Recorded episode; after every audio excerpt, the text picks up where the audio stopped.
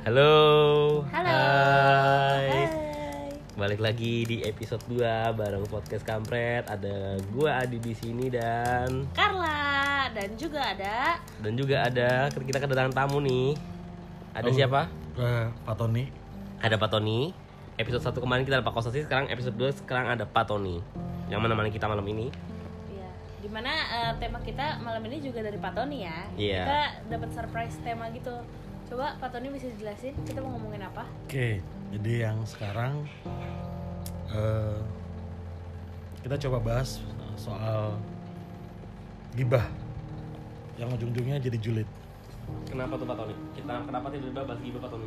Eh, sekarang kan banyak bilang julid-julid-julid gitu tuh di sosmed. Padahal kalau dipikir nggak ada yang tahu sebenarnya julid itu apa gitu. Julid itu kan sebenarnya kan bahasa Sunda tuh, artinya ngiri, dengki. Nah yang peloporin Syahrini tuh kebetulan waktu itu. Nah sebelum kita tahu ke julid dulu, sekarang kita tahu sebenarnya biar tahu dulu julid itu apa sih? Julid itu sebenarnya bagian dari gibah.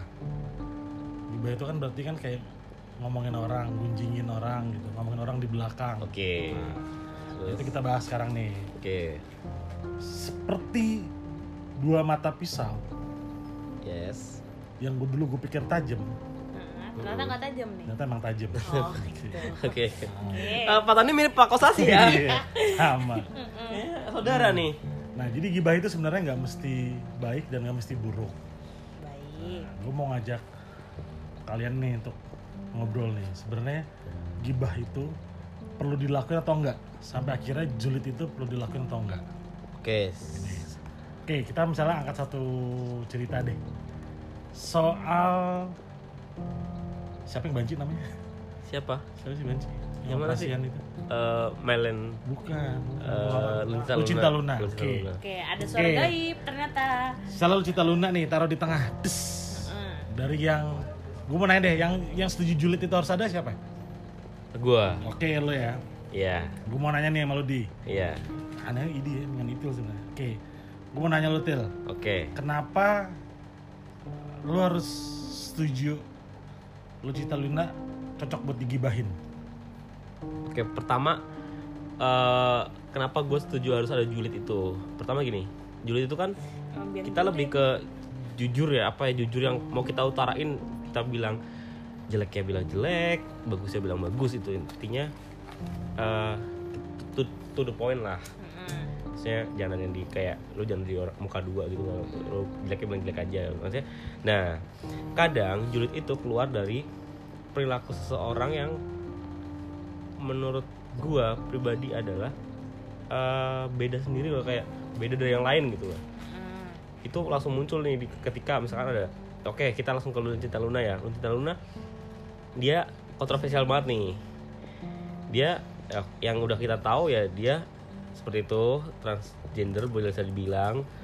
Terus oke kalau dia transgender tapi dia nggak nggak kontroversial mungkin orang-orang pun nggak bakal julid ya. Contohnya banyak lah transgender yang di Indonesia tuh yang terkenal kayak Miley Cyrus juga terus kayak banyak beberapa yang lainnya terus tapi Lucinta Luna ini kontroversialnya tuh terlalu apa ya terlalu memaksakan gitu kayak kayak gue lihat tuh kayak anjing apaan sih Karena ini gitu dianya sendiri juga cari sensasi. Iya bener Jadi buat buat jadi buat, nih, buat naikin pamor tuh jadi kayak Orang yang kontroversial itu harus digibahin. bukan harus digibahin kalau gue pribadi ya mau kayak itu kayak ya what you take what you give asik maksudnya Asik. maksudnya Ah, maksudnya kesambet apa ngomong bahasa Inggris? enggak Apa maksudnya yang kau iya Iya. tuai kau apa yang kau tanam Apa yang kau tanam itu yang kau tuai. yang kau tuai apa iya yang kau masukin itu yang kau cabut. Iya, karena dia udah berpikir seperti itu gitu loh. Tapi Co- co- kalau- coba kan dia, ya nggak nggak bikin sensasi yang aneh-aneh ya, mungkin nggak bakal ada jadi juga. Tapi menurut gue tuh beda antara julid sama uh, enggak sama lo ngomong apa adanya nggak muka dua karena oke, menurut oke. gue kalau julid itu konotasinya adalah lo jadi lebih ada nyinyir di dalam Yes. julid itu selalu ada nyinyir Yes, itulah ya gua. kan? Oke, Ah, terus? ah. nah tapi kalau lo bilang kayak ya gue enaknya nggak muka dua ya lo cuma cukup bilang oh ya udah dia transgender misalnya gitu ya Oke. misalnya ngeliat, ngeliat, ngeliat siapa nih Cinta Luna gitu. oh ya udah dia transgender tapi kalau misalnya julid pasti nanti ujungnya adalah ih tahu nggak sih dia tuh transgender dia tuh gini gini gini gini pasti akan panjang terus ngerembet ngomonginnya ke mana-mana jadi kalau misalnya bilang julid itu jadi kayak em, ngomong apa adanya menurut gue gue nggak setuju. Karena kalau julid ya orang tuh julid. Kalau lo ngomong apa adanya nggak julid gitu. Nggak, beda.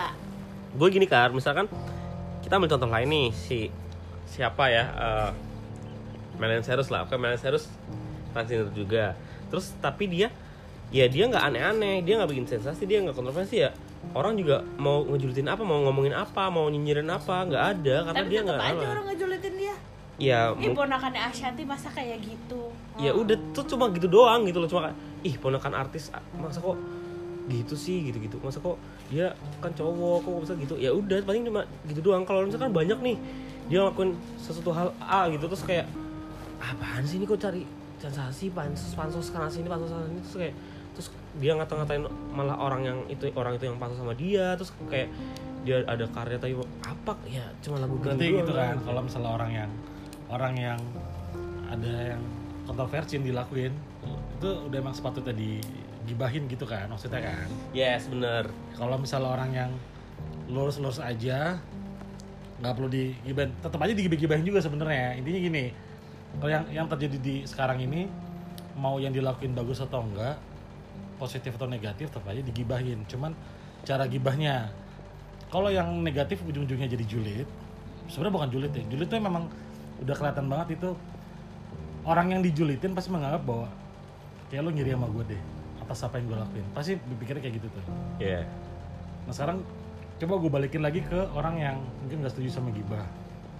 Dia udah pasti mandang kayak ngapain sih lo ikut campur, ngapain sih lo Iya eh, kan itu ikutan urusan- gitu-gitu. iya, itu kan lo kan urusan lo, dia, urusan lo, iya. ngapain lo ikut ikutan. Cuman yang pengen tahu nih sekarang sebenarnya gibah itu perlu atau enggak? Walaupun di di ajaran agama beberapa ngasih tahu kalau gibah itu nggak bagus. Cuman sekarang menurut lo ada ada nggak sih positif yang bisa diambil dari gibah? Nah, menurut lo gimana? Lo yang setuju nih? setuju coba Eh, positifnya nah kalau jadi apa punya ya pembahasan positifnya sama teman-teman positifnya nggak tahu buat gue sih lega aja nggak tahu kalau buat yang orang orang lain. Tapi maksud gue gini kalau banyak orang yang menggibahkan hal yang sama berarti kan ada yang salah sama orang itu gitu loh. Dan harusnya sih itu jadi kayak kritik buat dia ya. Ngerti gak sih? Misalkan oke dia ngelakuin sesuatu terus orang kayak ngomongin sana sini terus beberapa orang terus jadi kayak banyak orang ngomongin hal yang sama soal hal tersebut. Jadi jadinya kayak ya harusnya sih positifnya adalah menurut gue itu kritik yang membangun buat dia ya. Itu sih kalau gue Kalau lo gimana kan? Menurut lo gibah ada positifnya nggak sih? Hmm, enggak. Karena yang namanya gibah ujung-ujungnya tuh ngejulitin orang. Terus ya udah cuman kayak sebenarnya sih ujung-ujungnya lu ngomongin orang terus akhirnya yang dikorek-korek adalah ujung-ujungnya negatif ya rata-rata ya dari semua orang yang biasa menggibah itu pasti ujung-ujungnya negatif menurut gue Sekarang gini, misalnya gue tanya satu kata, ini gue kasih lo profile terus lo kasih satu kata deh buat orang ini tuh apa gitu biar kelihatan. Oke. Coba lu cita Luna satu kata. eh aneh Lo apa? Kontroversi Versi. Milan Cyrus. Cyrus Cyrus sih udah amat. Cyrus Nah. Eh, cantik Oh, wow kayak sarang Anang. eh, nggak jelas oke dulu dua kata aku sih yes Nah, gue lagi mikir sekarang kalau kalau kalau ya sebenarnya emang gibah hak orang ya untuk untuk nyimpen opini sendiri. Cuman sekarang berhubung ada sosmed, jadi itu main keluar keluar aja. yes Iya. Keluarin aja bodo amat orang mau mau apa orang gue yang punya opini. Selalu alasan gitu, gue punya opini, gue punya ini bodo amat. Gue tulis. Cuma kadang-kadang kan nggak mikir yang yang terima gibahnya ini rasanya kayak apa betul misalnya sekarang ini ada dua ada ada dua dua sisi yang satu di dianggap setuju yang satu dianggap nggak setuju dari yang gibah dulu yang setuju sama gibah kalau gibah ini terjadi sama lo respon lo gimana lo serang lo dibalikin. Nah itu. Lo diomongin orang. Itu tadi mau gue mau ngomong itu sih. Pasti sekarang misalkan gue gibahin si A di sosmed ter- terus ada yang komen nih kalau lu ini Enggak, sih gini, gini terus gini. nah habis itu orang yang orang yang lihat eh, lihat lihat gibahan gue dia malah ngegibahin gue di belakang gue atau ya pokoknya di- dia ngegibahin gue kayak kok apaan sih itu si Adi? Kok jadi kayak gibahin itu dia sama aja kan. Ya ya udah ya udah. Maksudnya gue ya lo melakukan terima nggak ya sebenarnya terima-terima aja karena gue juga melakukan itu ke orang lain gitu loh. Oke. nggak masalah kalau orang lain juga gitu sama gue gitu. Serang lo kar. Kalau misalnya lo sendiri lo nggak pernah gibahin orang. Total digibahin sama orang. Kira gimana respon kalau gue lebih kayak ya bodo amat sih. Akan lebih kayak gitu kayak bodo amat. Karena eh, jatuhnya ya udah gue kayak gue nggak pernah nyentil. Jadi kalau gue nyentil ya kayak ya siapa lu bodo amat gue mah gitu. Oke. Karena kayak kalau kita ngedengerin omongan gibahan orang menurut gue tuh nggak bakal habis sih mas. Akan kayak oh ini terus nanti kita ujung-ujungnya ngebales lagi gini ntar balas lagi nih gibah gini-gini.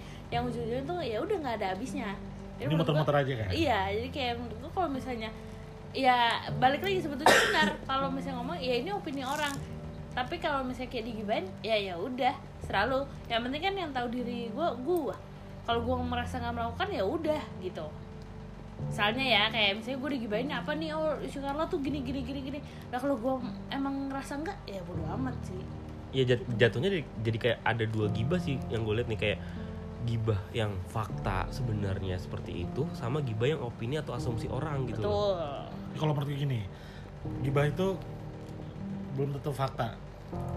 Atau juga fakta belum tentu digibahin. Benar. Misalnya gini kita lihat satu persepsi deh. Misal ada orang yang hmm, udah mesti transgender deh yang simpel dulu. Ada orang yang gendut banget. Satu orang akan berpikir bahwa dia kebanyakan makan. Hmm. bukan karena lo ya karena kan langsing banget nih. Iya thanks. Tapi ada satu satu orang satu orang lagi beranggapan bahwa gue sebenarnya bukan kebanyakan makan. Entah mengapa eh, pola makan di keluarga gue tuh cukup di atas rata-rata. Jadi dia bukan orang yang malas bukan orang yang nggak mau olahraga tetap olahraga cuman ya nggak bisa kurus. Tapi ada satu satu sisi menganggap bahwa lu kebanyakan makan gitu. Jadi mungkin karena stigma mas. Jadi gibah sih menurut gue jadi gibahnya tuh gibah tuh pasti negatif. Karena yang lo ceritakan agak negatif. Baiknya mungkin lebih ke pendapat ya argumen. Jadi begitu lo ngangkat satu kasus satu satu komen yang lo ngasih tahu oke lo cerita Luna itu transgender yang coba nyari kontroversi gitu.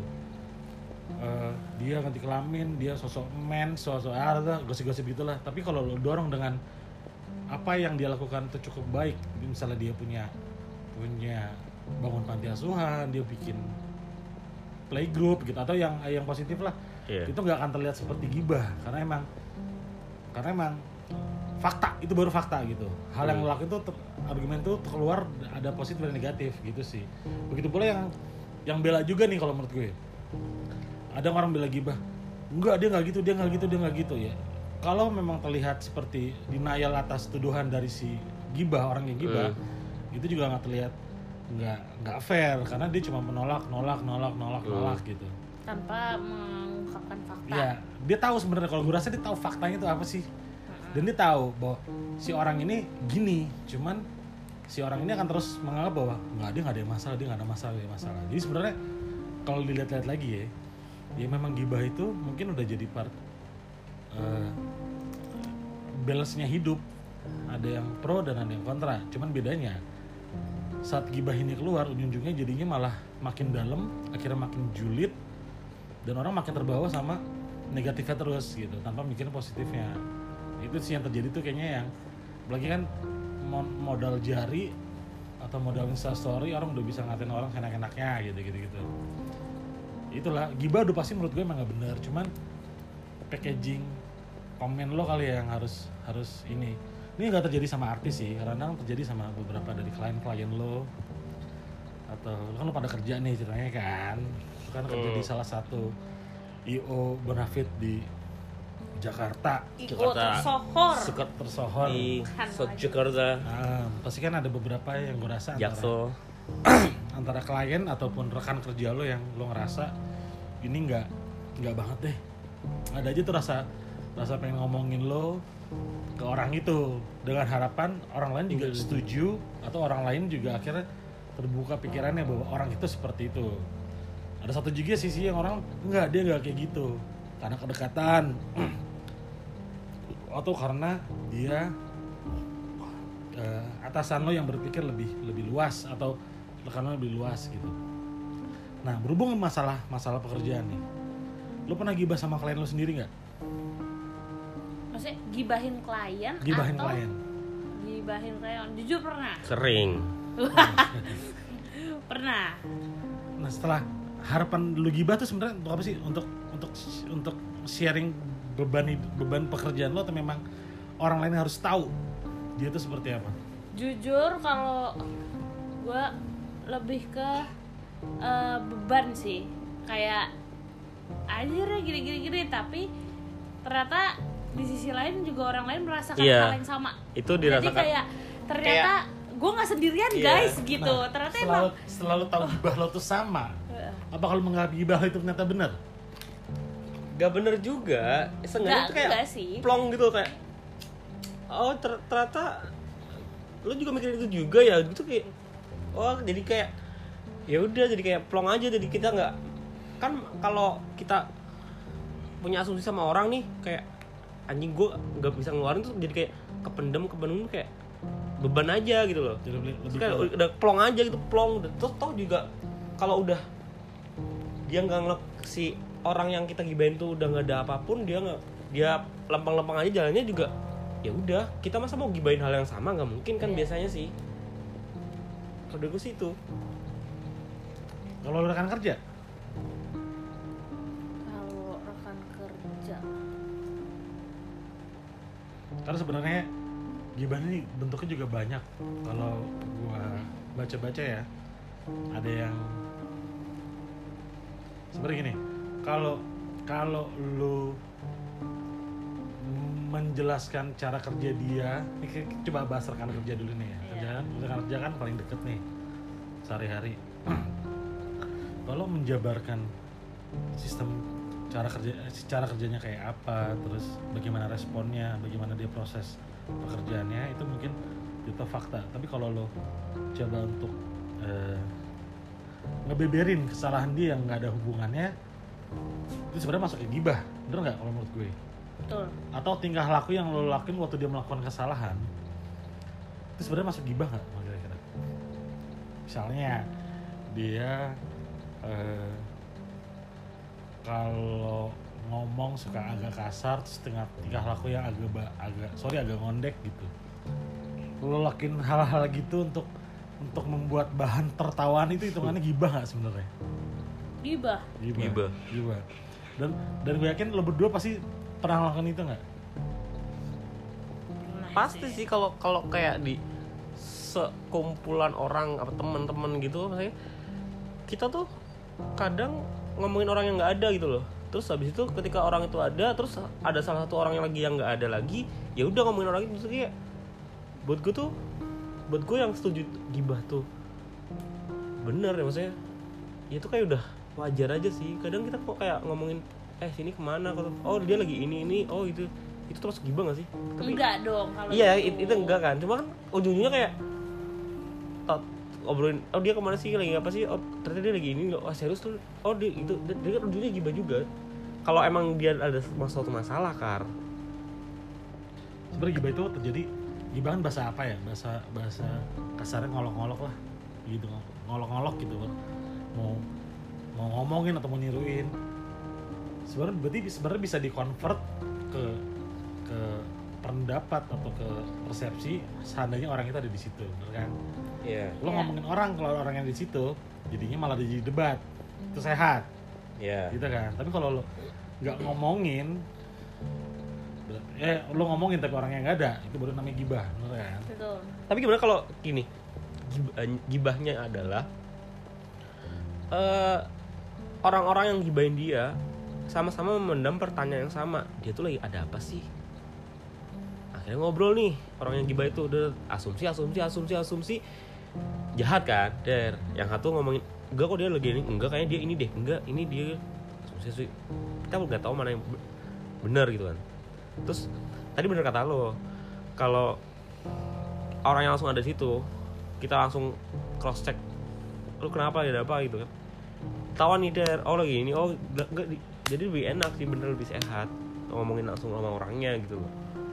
Enggak lu salah oh enggak lu bener gitu gitu Nah, kalau bisa merubah gibah itu menjadi positif kalau dengan ada orangnya tapi yang gibah nggak itu menurut lo? Jadi gibah tadi kan ngomongin orang nih. Men- tapi ini ada orangnya gitu loh. Gibah nggak semua itu semua itu masalah usoli. Maksudnya niat gitu. Oke. Oke. Kalau nggak ada artinya oke usoli. Usoli. oke. Kirain mau fasola kayak pak kosasi kemarin fasola? Ini soli ya beda lagi. Kalau lo ngomongin orang dengan harapan lo akan ini orang ini mengganggu mengganggu terutama masalah itu ya pekerjaan ya. Orang itu mengganggu sistem kerja mendingan langsung aja kenapa dia ya begini ya? Boleh nggak kita omongin sama orangnya? Itu lebih menurut gua omongan lebih itu, fair. jadinya lebih nggak jadi gibah. Karena Iya. niat lo Adalah untuk- bener benerin. Hmm. Kritik jatuhnya. niat lo udah sampai cukup eh ternyata orang ini habis pergi ke Turki. Di- di- dari mana ya? Asalnya kayak gitu. Itu kan jadinya kan jadinya kan ini Eh. nggak di nggak diselesain. Lebih baik lo selesain ini dulu. Ini orang kenapa ya? Eh, pergi ke Turki. Ini orang kenapa ya? Eh, ce- ada cewek lagi gitu. Ini orang ini kenapa yang nggak nikah nikah? Kayak gitu gitu ini orang kenapa yang nggak punya pacar? Tapi kalau misalnya thanks, thanks. lo lo abis itu tuh oke kita bantu yuk. Kenapa? Atau kita perjelas yuk kenapa dia bisa bisa punya pacar? Dia kenapa nggak nikah nikah? Dia kenapa bisa ke Turki? Dia kenapa bisa cari cewek lagi? Itu menurut gue tuh nggak gibah. Tapi kalau berhenti di tengah jalan itu gibah. Dan itu emang ngakar banget jelek sih. Karena sesuatu itu asumsi itu udah pasti jahat. Persepsi kalau nggak fakta itu jahat ya itu jadinya akan akan ya gue sih percaya sama sama karma ya akan akan balik lagi. Kayak gitu gitu nah jadi sekarang yang dilakukan rata-rata orang-orang di sosmed nih sosmed kan lebih luas banget nih jaringan udah udah udah luas ada orang yang ngetik komen tapi nggak ke reach juga siapa orangnya atau siapa apa apanya. Mau manggil polisi atau kayak gimana juga udah susah. Tapi karena sekarang udah jadi udah jadi trennya ya udah eh trennya udah sekarang. Setiap ada yang posting langsung komennya udah beribuan. Orang foto BH doang ribuan gitu-gitu. Ini sebenarnya perlu dimaklumin apa lu mau jadi pahlawan di tengah-tengah ribuan komen itu bahwa sebenarnya gibah itu nggak bagus. Menurut gimana?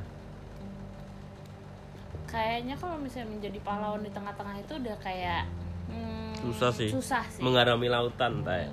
Betul. Beda. Kalau lo komen negatif ada lautan. Karena dari 2000an itu pasti komennya negatif. Nggak mau komen iya. positif. Ah, kok lautan sih?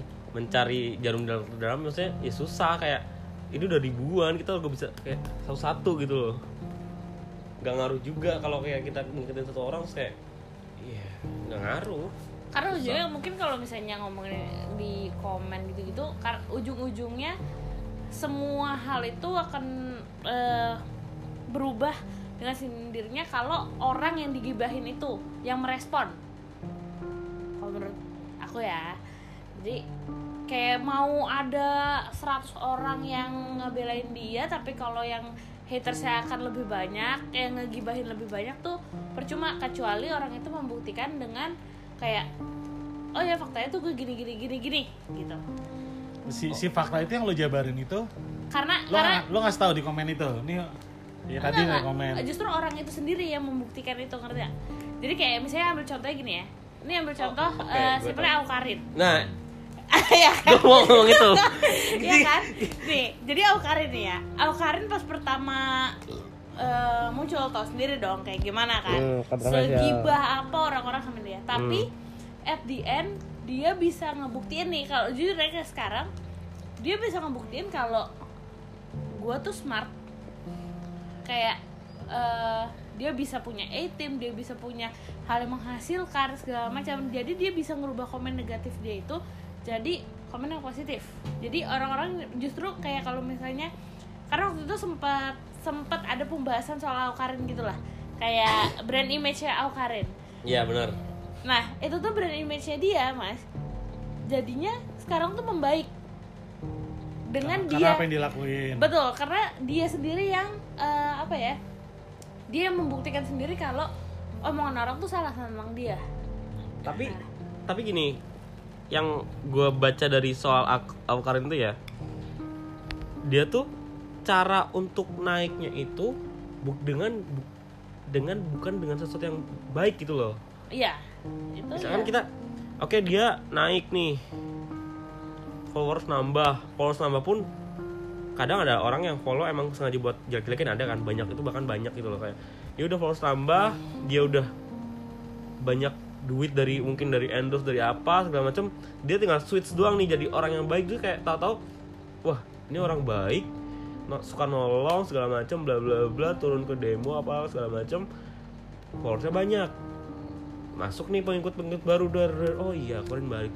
Tapi haters yang lama bahkan eh bahkan haters yang lama akan memunculkan gibah yang baru. Ngerti nggak? Jadi kayak oke yang dulunya apa sih nih Karin kok ngomong kontol kontol kontol kontol atau atau, apa lah nggak jelas terus dia nggak ada karenanya ketika dia nge-switch itu itu nge- nge- muncul gibah baru kayak ah ini paling Pencitraan. pencitraan ini paling apa ini paling apa gitu.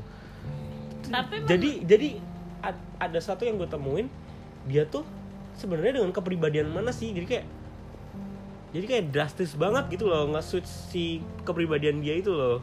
Anda jadi kayak terkait gibah nih barusan. Iya enggak jadi gue sih dari dulu sampai sekarang dia berubah pun gue juga kayak bodo amat sama dia gitu.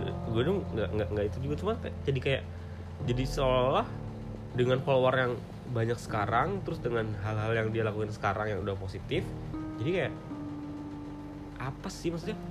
Lu naiknya tuh bukan karena hal positif gitu loh. Berarti sekarang nih intinya soal lagi nggak gibah nggak gibah tuh memang udah jadi udah jadi budaya sekarang semua orang ini balik lagi ke orang masing-masing kan ya Betul. lo mau gibah ya harus dosa-dosa lo kalau Iya. enggak ya dosa-dosa lo gitu Iya. kalau misalnya lo juga ngerasa orang ini nggak kayak gini lo juga nggak perlu ngotot buat orang itu untuk ngebela orang itu karena juga Bener. sebenarnya kan ya, untungnya buat apa juga buat lo ya Ya. yang nyari pala nyari pala nyari dosa ya dosa gitu Eh, jadi nah karena ngeliat dari budaya nih jadi sebenarnya gibah itu udah seperti pro and cons termasuk kayak presiden juga apa yang dilakuin itu kan sebenarnya udah hmm. udah jadi ba- bagian dari culture Pastilah. kan Iya. ya udah jadi intinya sebenarnya menurut lo nih gibah ini sekarang nih misalnya nih kita coba cari conclusionnya nih gibah ini memang enaknya ya apa nih emang emang biarin aja atau memang nih udah ya udahlah memang udah jadi part dari culture atau memang stop lah janganlah ngomong-ngomongin orang buat apa juga atau enaknya gimana menurut lo lihat dari jalannya hidup aja gitu dari dari. Ya kalau kalau kalau emang gibah itu udah bagian dari budaya ya kalau buat buat gue ya ya udah kalau lo emang suka gibahin orang buat gue sih sarannya ya lo jangan ngambek atau marah kalau lo digibahin balik gitu loh. Toh itu udah kayak keseharian orang-orang ngibahin gitu. Tapi eh, apa namanya apa ya? Anjing gue blank. Blank blank blank blank blank blank blank blank blank blank. Blank blank blank blank. Lo gimana lo gimana kan lo gibah tuh memang harusnya memang ya udah terima aja karena emang udah udah jadi bagian dari kehidupan lah gitu atau memang lo mau ngajak orang untuk untuk stop gitu? Oh ya nih gue inget nih. Iya. nah eh, Kalau- yang gini-gini kalau- nih yang suka nyelak nih. Ini baru inget nih tadi blank nih bangsat. Kan tadi ya udah kalau emang itu ya udah gitu loh. Kalau lu gibah ya udah gibah aja gitu. Tapi kalau lu gibahin balik ya jangan marah karena lu suka gibah juga gitu loh. Tapi kalau eh, mau stop kita juga nggak bisa memaksa orang dengan jangan udah deh jangan gibah gitu. Ya itu balik lagi ke lu kalau lu men- menstop jalur gibah itu di lu ya berarti udah gitu loh. Ngerti nggak? Ya thanks mengambil line saya. Thank you. Oke. Enggak, kalau gue lebih kayak gini. Kayak ya udah emang kalau ngelihat sekarang gibah itu udah jadi kalau culture iya it, gibah kayak udah jadi culture aja. Orang tuh bisa dengan semudah itu untuk ya udah eh, gibahin orang aja gitu. Tapi eh, menurut gue ya emang harus mulai dari diri sendiri sih kayak apa pun itu ya udah mulai dari diri sendiri, diri sendiri aja jangan ikut ikutan karena kalau mau diomongin kayak gimana pun kalau dari diri sendirinya tidak eh, mau berhenti untuk gibah ya dia akan selamanya gibah sih. Menurut gue itu gimana niat diri sendiri aja. Kayak eh, mungkin kalau misalnya bisa dibilang ya gue nggak mau gibahin orang karena gue nggak mau digibahin.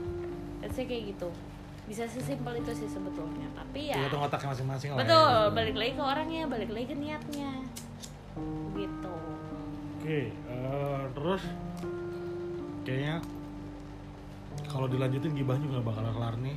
Mungkin coba ganti topik kali ya. Yang yang mungkin ada hubungannya sama sama budaya zaman sekarang yang sering dicela.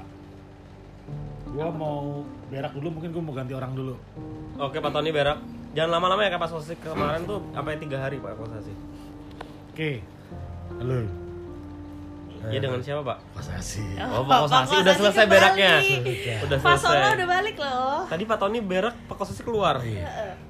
Bapak makan apa sih? Lama banget beraknya. Ricis level 5. oh iya Ini yang lanjutin aja tadi yang diomongin sama Pak Tony. Emang dengar agak ini dari suara minornya tuh kedengeran. Oh iya siap. Udah agak-agak ngaco bahasanya. Minornya tiga nada itu. Oh, belum. Kita bahas sekarang. Sekarang nih kayaknya yang mau di coba omongin masalah tato sih sebenarnya. Ini kan nggak habis-habis tuh.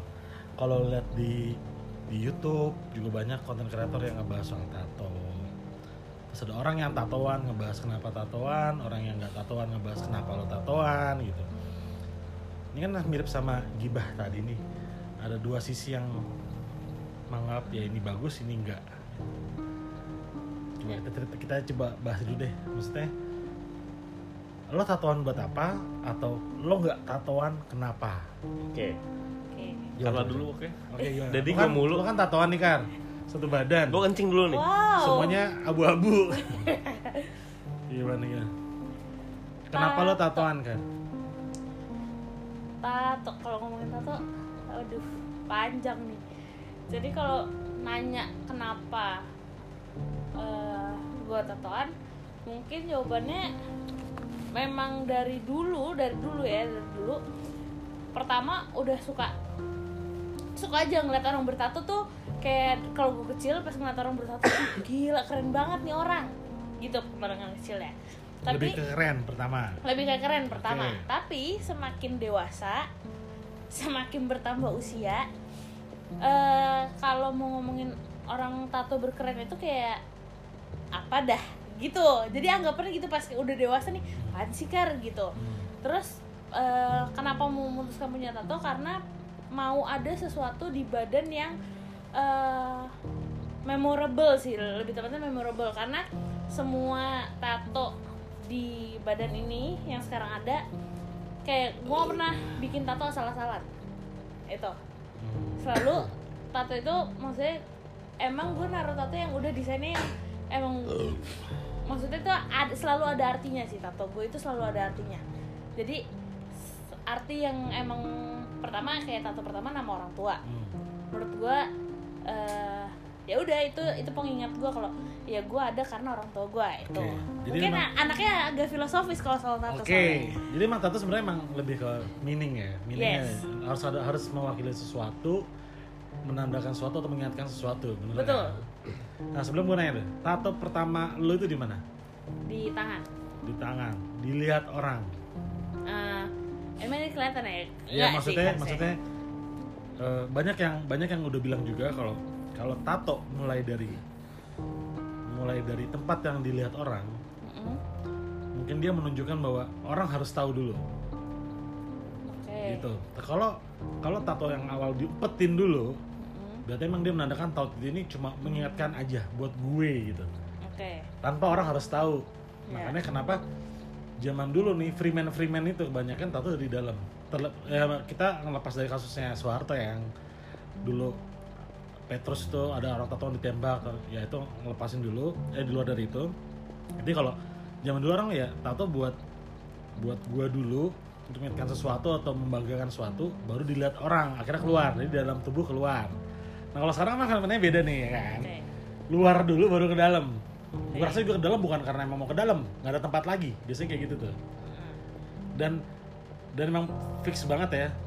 Tato itu emang mengartikan sesuatu kan atau ya ada meaningnya lah.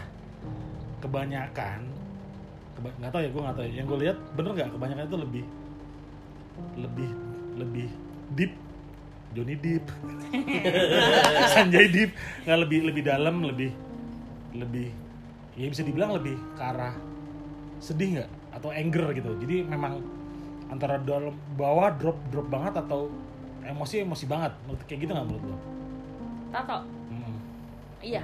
Iya kan? Kayak misal jadi bisa bisa gua simpulkin simpulin kalau tato itu kan sebenarnya kayak eh rintik hujan kemarin dibahas.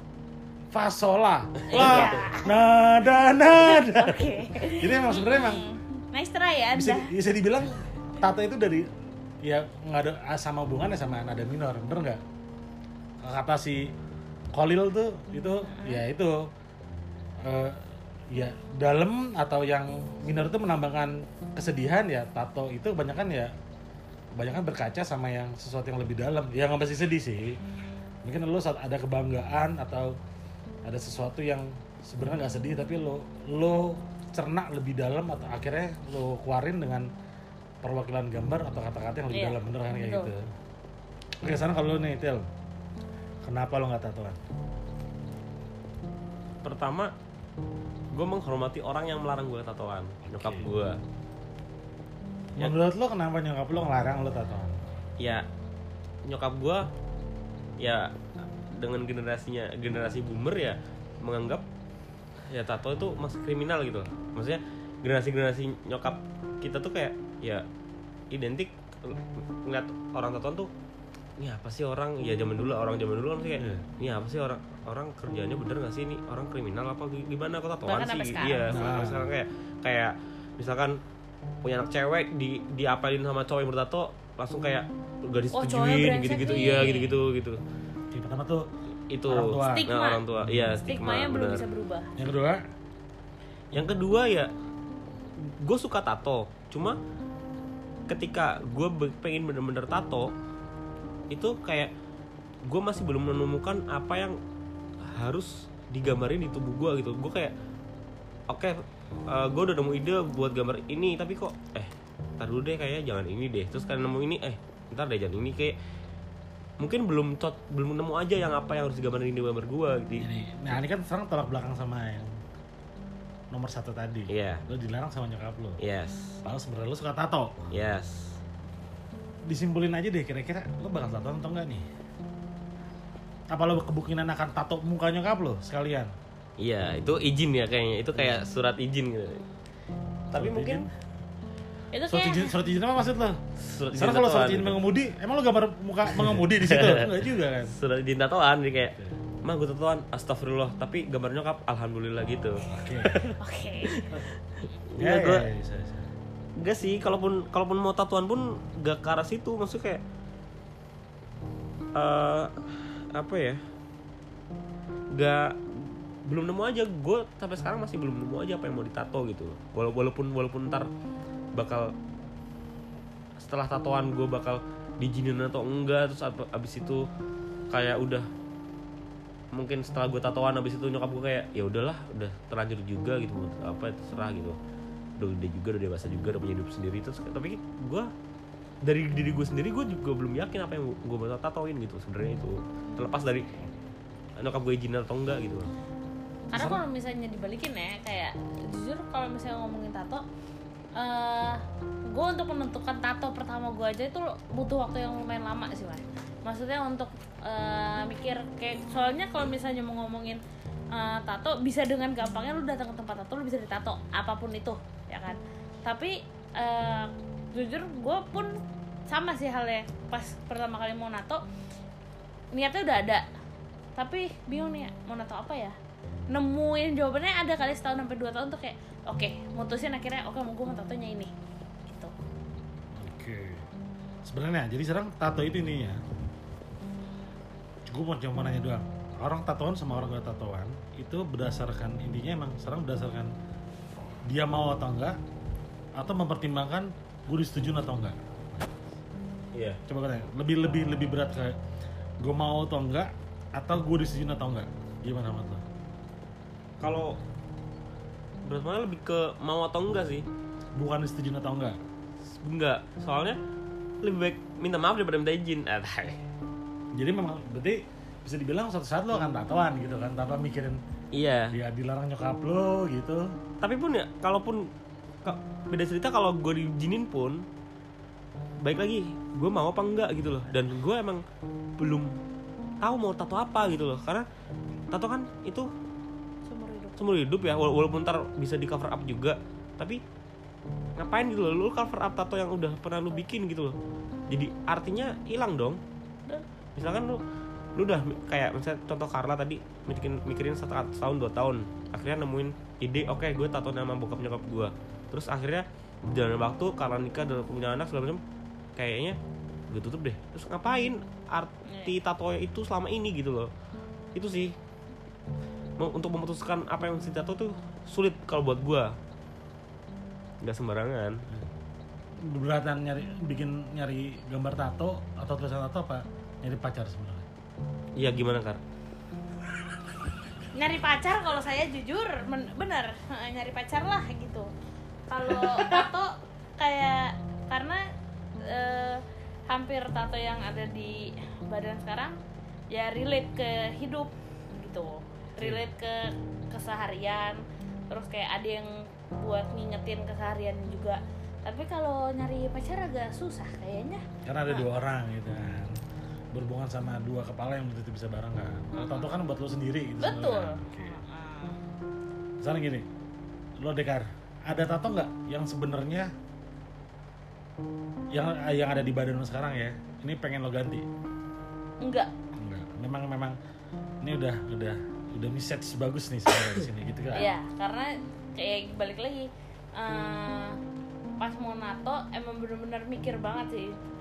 Mungkin kelihatannya kayak ah ya udah nato nato aja, tapi nggak di balik itu kenapa mau nato gambar ini, kenapa mau nato gambar ini eh, ada jawabannya. Oke. Gitu. Jadi kalau ditanya setiap tato yang ada di eh, badan sekarang sebetulnya ada jawabannya kenapa mau nato ini. Gitu. Sekarang gue mau nanya nih, coba kasih info satu public figure yang kira-kira kita tahu ya. ya Siapa yang menurut tato yang bagus? Siapa yang nggak nggak nggak amat deh? Nggak ini nggak banget sih ini tato gitu. Siapa menurut lo? siapa kar Tatonya bagus nih. Atau lo yang nggak tatoan gitu lo, lo yang nggak tatoan tapi ngeliat dia jadi lo pengen tatoan karena dia tatonya bagus. Anjir, atau meaning sih ya? atau meaningful lah. Dan satu lagi lo ngerasa anjing tato yang gak banget nih goblok sih orang bikin tato. banyak sih gue gue ada satu eh, artis band popang Inggris Neck Deep vokalisnya itu band dia tatonya jarang-jarang tapi rapat maksudnya gimana? Jarang-jarang tapi rapat gimana? Maksudnya? itu nggak masuk maksudnya, sih, enggak maksudnya maksudnya dia tatonya jarang-jarang tapi tuh bagus Banyak gitu loh. iya bagus. banyak. Iya bagus gitu loh. Dan kalau dilihat nyambung gitu loh. Kok tapi ada juga orang yang tatoan banyak jarang-jarang tapi kok kayak gak nyambung satu atau tato apa tato tato apa gitu Contohnya kayak siapa? banyak orang sih gue kalau public itu nggak tahu ya Lebih ke sekarang lebih ke tato ke lebih ke tatonya. Arti tato atau arti gambarnya atau naronya di mana?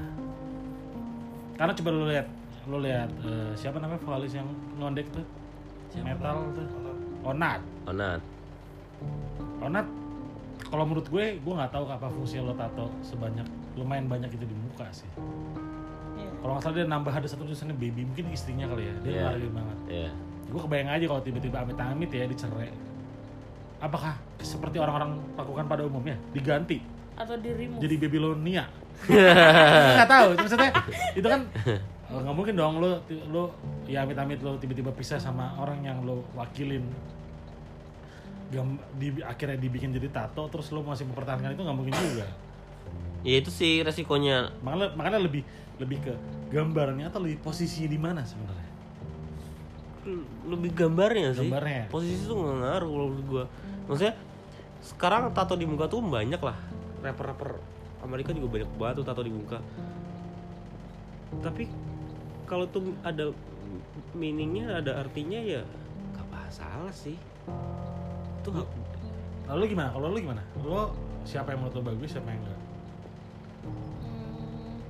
kalau kalau ngomongin enggak nggak bisa kayak gitu. Karena karena gue ngerasain gue bertato gitu loh mas. Jadi kayak menurut gue ya tato gue bagus gitu ibaratnya gitu kan. Jadi kalau menurut gue pers- eh, perspektif tato bagus atau enggak itu nggak bisa. Karena balik lagi lo nggak pernah tahu kenapa dia nato itu. Kecuali lo tahu kenapa dia nato itu ya gitu. Tapi kalau misalnya tato bagus menurut ada ada sih bukan bukan ini sih mungkin ke tato artisnya ya. Jadi ada satu tato artis di Bali namanya Lydia. Yang gue suka adalah dia selalu bisa eh, ngasih meaning di setiap gambar yang dia bikin. Maksudnya jadi begitu di nato nih dia benar-benar kasih filosofinya ini kenapa misalnya gam- gambarnya apa? gitu kan. Eh, gajah lah gitu.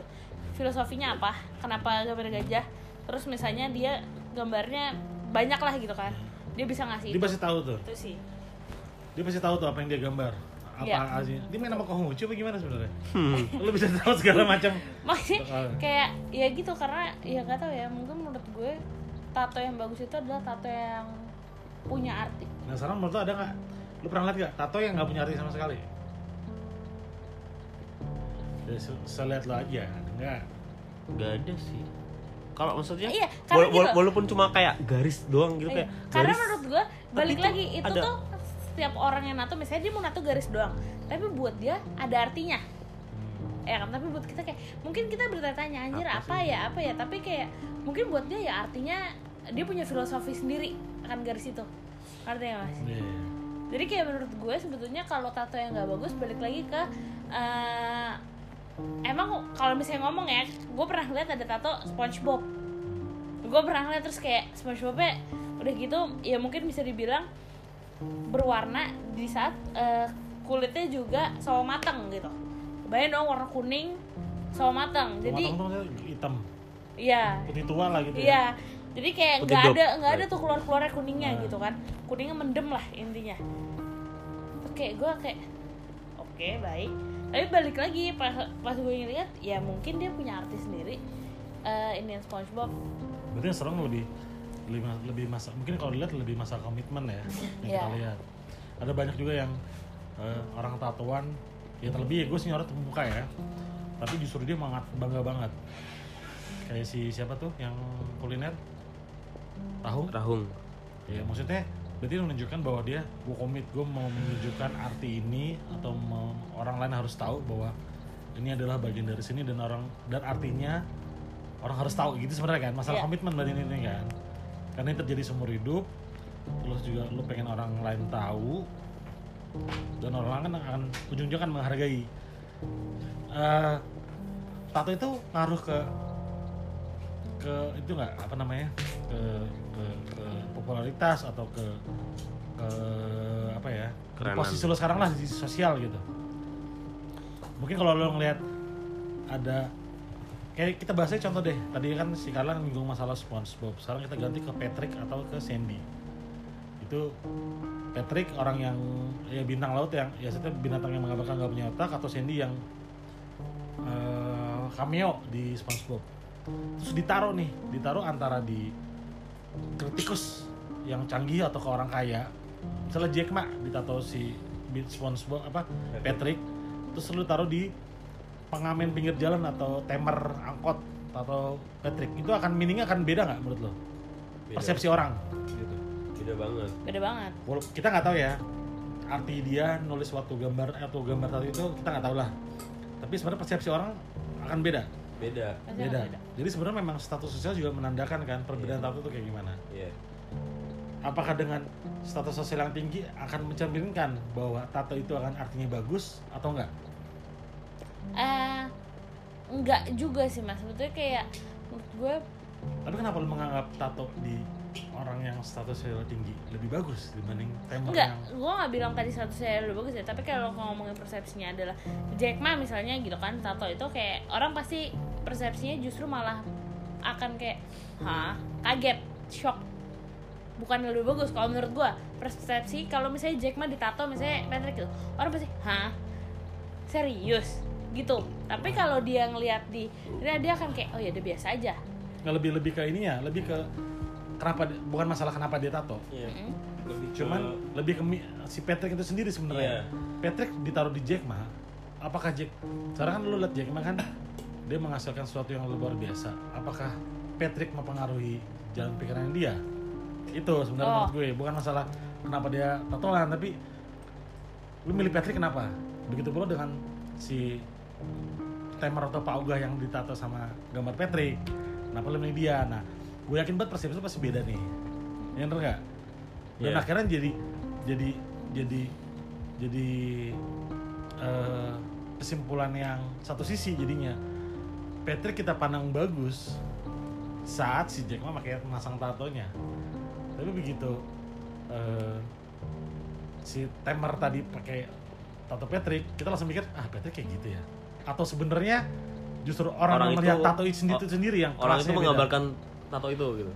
ya makanya jadi sebenarnya sekarang- jadi kan bisa dipulangkan saat lo ngeliat dua status yang berbeda ini tatonya kayak gimana lalu bahkan berpengaruh ke tatonya nih tato seperti apa Hmm. atau justru yang yang bikin beda adalah siapa yang melihat dia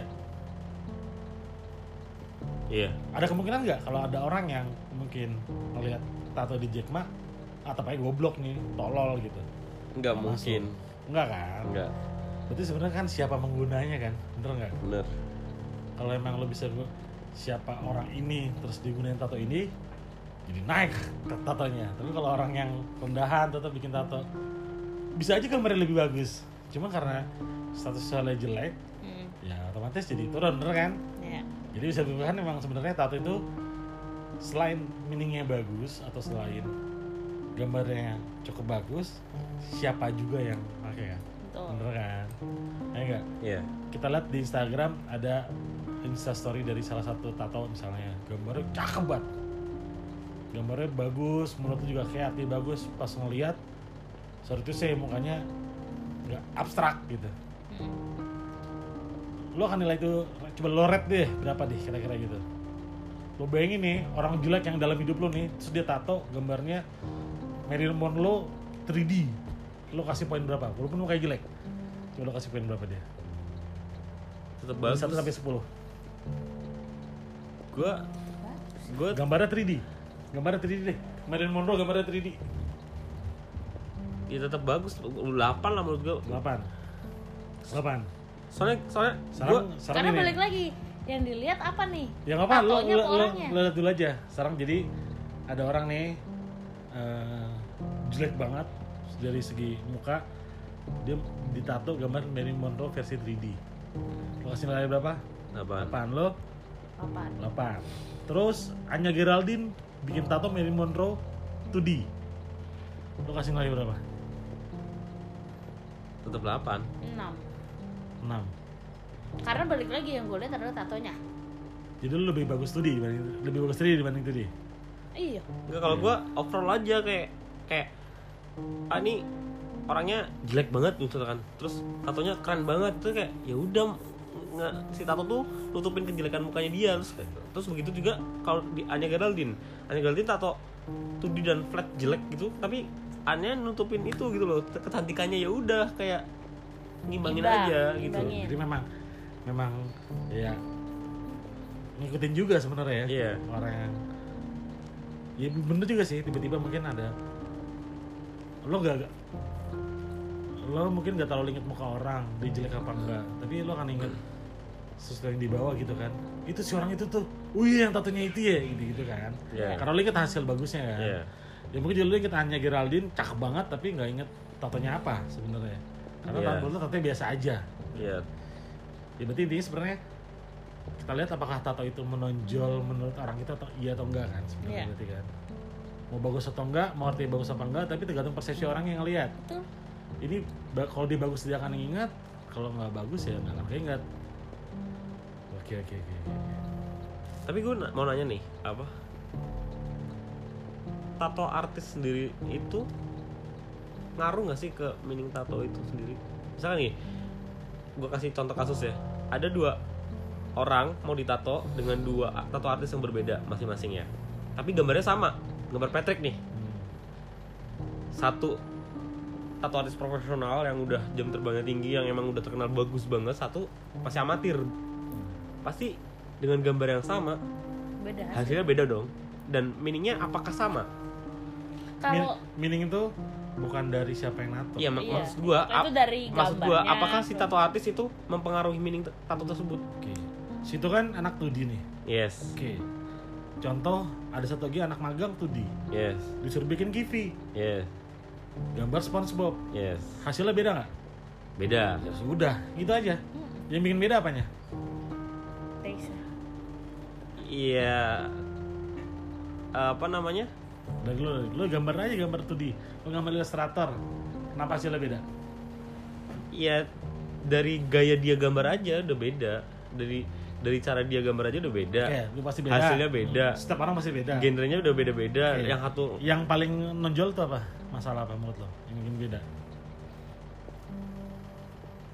Iya dari bisa dari pengalaman bisa dari ya udah experience. Skill. experience berarti nih iya. Saat lo dulu lo pernah di posisi magang dong? Saat Iya. lo di posisi udah Oke. matang oke. Saat lo terima brief dari orang yang pengen hasil outputnya seperti apa? Ya lo kan akan menjajakan nih dari salah-salah akhirnya akhirnya bener. Iya. Jadi lebih ke estetik sebenarnya nih. Experience yang bikin hasilnya itu mendekati apa yang orang mau. Iya. Magang enggak iya. Magang bisa idealis bisa juga experience-nya kurang. Iya. Ya, itu yang bikin beda sebenarnya. Jadi kalau ngeliat dari dari dari artinya ya susah. Cuman orang experience biasanya tahu nih nyambung. Oh maksud lo nih lebih lebih deep ya? Jadi deep. Ini lebih dalam nih. Lebih dalam ya itu. Itu jadi akhirnya mendekati se- seenggak-enggaknya mendekati. Gitu. Lebih ke experience sih bukan ya berarti si tato artis siapa pun nggak ngaruhin meaning si orang yang mau tato itu dong? Enggak makan nah setelah itu ini Bakarta kayak pengobatan alternatif sih. Cocok-cocok kan? Iya. Hmm. kadang-kadang lu diobatin sama si Haji Naim sama Haji Bekasi gue gak tahu siapa nama itu. Juga ada yang bilang itu bagus ada yang enggak ada yang bilang satu sisi bang itu yang di Bekasi bagus yang Haji Naim enggak tapi kan balik lagi ke lu kan yang lu terima tuh seperti apa sebenarnya? Yang yang cocok Ya, sama lo gitu. yang mana gitu. Itu sebabnya si Kala tuh gak punya pacar sampai sekarang cuy karena karena dia nggak kenal sama Haji Naim atau gimana tuh? Kok bisa ya? Tapi gue mau nanya mas sama lo. Lo kan juga tatoan ya? Eh pak pak kosasi lupa saya. Pak kosasi kan juga kencing dulu tatoan. nyusul Pak Doni ya. Nah lo pertama kali mutusin untuk tato itu karena apa? Karena gue udah sebel sama semua orang semua orang itu kayak pengen pengen didengar suaranya. Semua orang itu harus setuju sama ini sama apa ya? Sama cap lah. Orang Islam tuh harus ini hmm. orang yang kerja tuh harus ini orang jadi semua tuh harus harus ada ada ada apanya ya? Ada stigmanya. Iya. Orang yang kerja biasanya kayak gini orang yang agama Islam tuh harus gini gitu gitu jadi gua kayak Islam tuh nggak boleh tatoan apa pun Islam tuh harus nggak ya Islam tuh nggak boleh tatoan Islam itu harus sholat. Ya harus sholat sih. Islam itu nggak Iya. boleh nikah beda agama. Islam tuh nggak boleh mabok mabokan gitu gitulah banyak banyak banyak yang gitu. Tapi rata-rata satu sisi tuh ya baik lagi kayak tadi. Orang juga nggak ngelakuin hal yang dilakukan oleh Islam disuruh sama Islam. Gitu juga orang yang orang yang eh, mabok tuh biasanya gini gini gini atau ada ya gitulah banyak banyak banyak banyak pendapat yang harus gini harus gini harus gini ya. Gue menganggap diri gue itu beda sama yang bukan beda sih bertabrakan sama orang yang lain. Makanya eh, dan dan dan gue menganggap tuh kayak tato pertama gue tuh kan Hitans dalam bahasa Yahudi. Dan diartiin eh, artinya kafir. Kenapa gue nganggap gue kafir? Karena menurut gue saat saat semua orang menganggap satu hal itu adalah hal yang lumrah terus gue beda gue dianggap em, eh, belok dari hal yang lurus. Ya dan gue dianggap tertutup. Sesuatunya lah sampai harusnya dibuka. Nah itu dia akhirnya lu nyimpulkan bahwa gue ini kafir di antara orang yang cukup soleh lah asalnya kayak gitu. Jadi gue menunjukkan lagi. Iya bener ya kayak lu bilang tadi. Ini seorang orang harus tahu dan gue agak komit bahwa semua orang harus tahu. Gue nggak perlu taruh ini di muka tapi